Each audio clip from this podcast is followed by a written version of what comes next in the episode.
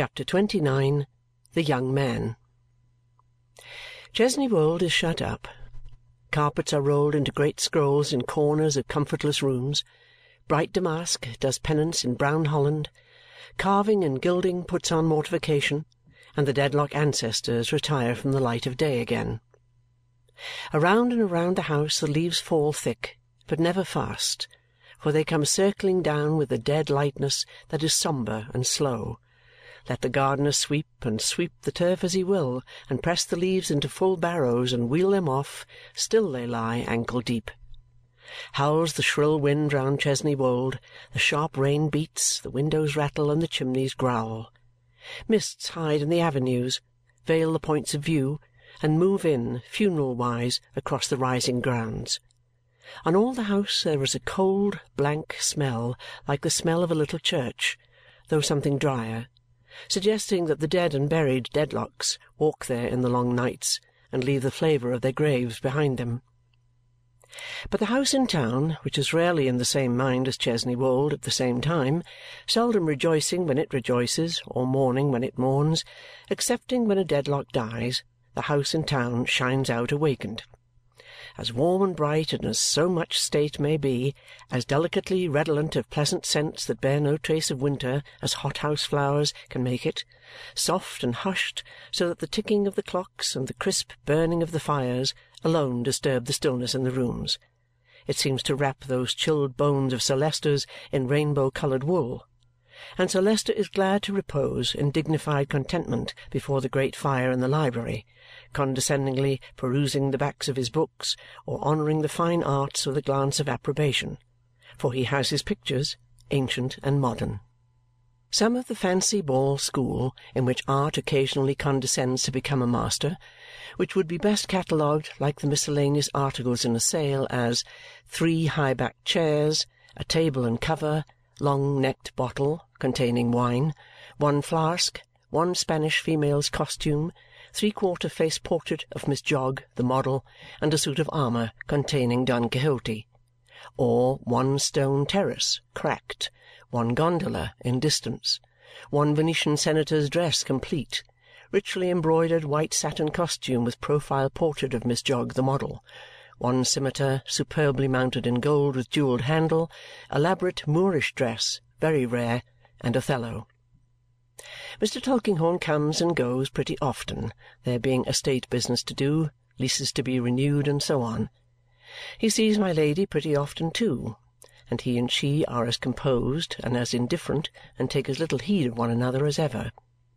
Yet it may be that my Lady fears this Mr. Tulkinghorn and that he knows it. It may be that he pursues her doggedly and steadily, with no touch of compunction, remorse, or pity. It may be that her beauty and all the state and brilliancy surrounding her only gives him the greater zest for what he is set upon and makes him the more inflexible in it.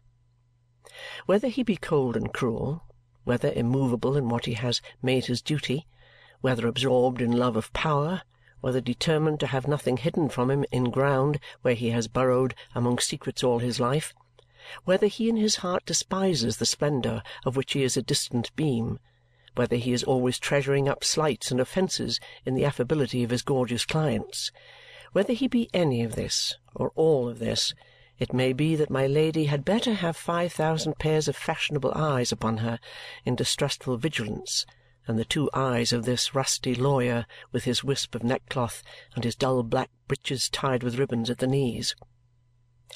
Sir Leicester sits in my Lady's room, that room in which Mr. Tulkinghorn read the affidavit in Jarndyce and Jarndyce, particularly complacent. My Lady, as on that day, sits before the fire with her screen in her hand. Sir Leicester is particularly complacent because he has found in his newspaper some congenial remarks bearing directly on the floodgates and the framework of society. They apply so happily to the late case that Sir Leicester has come from the library to my Lady's room expressly to read them aloud. "The man who wrote this article," he observes by way of preface, nodding at the fire as if he were nodding down at the man from a mount, has a well balanced mind. The man's mind is not so well balanced but that he bores my Lady, who, after a languid effort to listen, or rather a languid resignation of herself to a show of listening, becomes distraught and falls into a contemplation of the fire as if it were her fire at Chesney Wold and she had never left it. Sir Leicester, quite unconscious, reads on through his double eye-glass, occasionally stopping to remove his glass and express approval as, "Very true indeed. Very properly put. I have frequently made the same remark myself," invariably losing his place after each observation and going up and down the column to find it again. Sir Leicester is reading with infinite gravity and state when the door opens and the Mercury in powder makes this strange announcement. "The young man, my Lady, of the name of Guppy." Sir Leicester pauses, stares, repeats in a killing voice the young man of the name of Guppy? Looking round, he beholds the young man of the name of Guppy, much discomfited and not presenting a very impressive letter of introduction in his manner and appearance. "Pray," says Sir Leicester to Mercury, "what do you mean by announcing with this abruptness a young man of the name of Guppy?" "I beg your pardon, Sir Leicester. But my Lady said she would see the young man whenever he called. I was not aware that you were here, Sir Leicester." With this apology, Mercury directs a scornful and indignant look at the young man of the name of Guppy, which plainly says, "What do you come calling here for and getting me into a row?" "It's quite right. I gave him those directions," says my Lady. "Let the young man wait. By no means, my Lady. Since he has your orders to come, I will not interrupt you." Sir Leicester in his gallantry retires, rather declining to accept a bow from the young man as he goes out and majestically supposing him to be some shoemaker of intrusive appearance.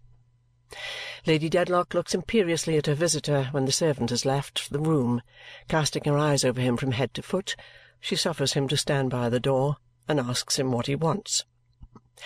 "That your ladyship would have the kindness to oblige me with a little conversation," returns Mr. Guppy, embarrassed. "You are, of course, the person who has written me so many letters?" "Several, your ladyship. Several, before your ladyship condescended to favour me with an answer." "And could you not take the same means of rendering a conversation unnecessary? Can you not still?" Mr. Guppy screws his mouth into a silent no and shakes his head. "You have been strangely importunate. If it should appear, after all, that what you have to say does not concern me I don't know how it can, and don't expect that it will you will allow me to cut you short with but little ceremony. Say what you have to say, if you please." My Lady, with a careless toss of her screen turns herself towards the fire again, sitting almost with her back to the young man of the name of Guppy. "With your ladyship's permission, then," says the young man, "I will now enter on my business. Uh, I am, uh, as I told your ladyship in my first letter, in the law. Being in the law, I have learnt the habit of not committing myself in writing, and therefore I did not mention to your ladyship the name of the firm with which I am connected and in which my standing, and I may add income, is tolerably good. I may now state to your ladyship in confidence that the name of that firm is Kenge and Carboy of Lincoln's Inn which may not be altogether unknown to your ladyship in connexion with the case in Chancery of Jarndyce and Jarndyce." My Lady's figure begins to be expressive of some attention. She has ceased to toss the screen and holds it as if she were listening.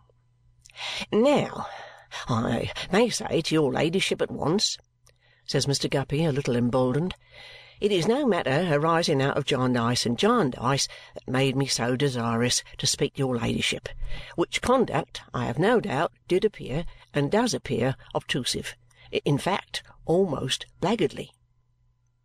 After waiting for a moment to receive some assurance to the contrary, and not receiving any, Mr. Guppy proceeds. If it had been Jarndyce and Jarndyce, I should have gone at once to your ladyship's solicitor, Mr. Tulkinghorn of the Fields.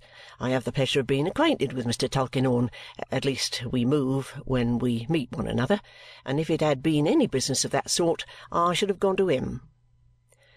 My Lady turns a little round and says, You had better sit down. Thank you, your ladyship. Mr. Guppy does so. Now, your ladyship. Mr. Guppy refers to a little slip of paper on which he has made small notes of his line of argument and which seems to involve him in the densest obscurity whenever he looks at it. I uh, oh, yes. I place myself entirely in your ladyship's hands.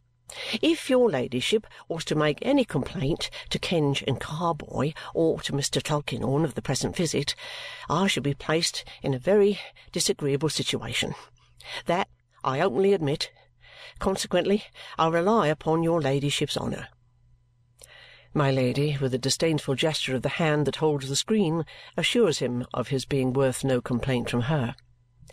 Thank you, your ladyship, says Mr. Guppy. Quite satisfactory. Now, I oh, dash it. The fact is that I put down a head or two here of the order of the points I thought of touching upon, and they're written short, and I can't quite make out what they mean. If your ladyship will excuse me taking it to the window half a moment, I Mr. Guppy, going to the window, tumbles into a pair of love birds, to whom he says in his confusion, oh, I beg your pardon, I'm sure. This does not tend to the greater legibility of his notes. He murmurs, growing warm and red and holding the slip of paper now close to his eyes, now a long way off, C.S. What's C.S. for? Oh, oh, C.S. Oh, I know. Yes, to be sure. And comes back enlightened.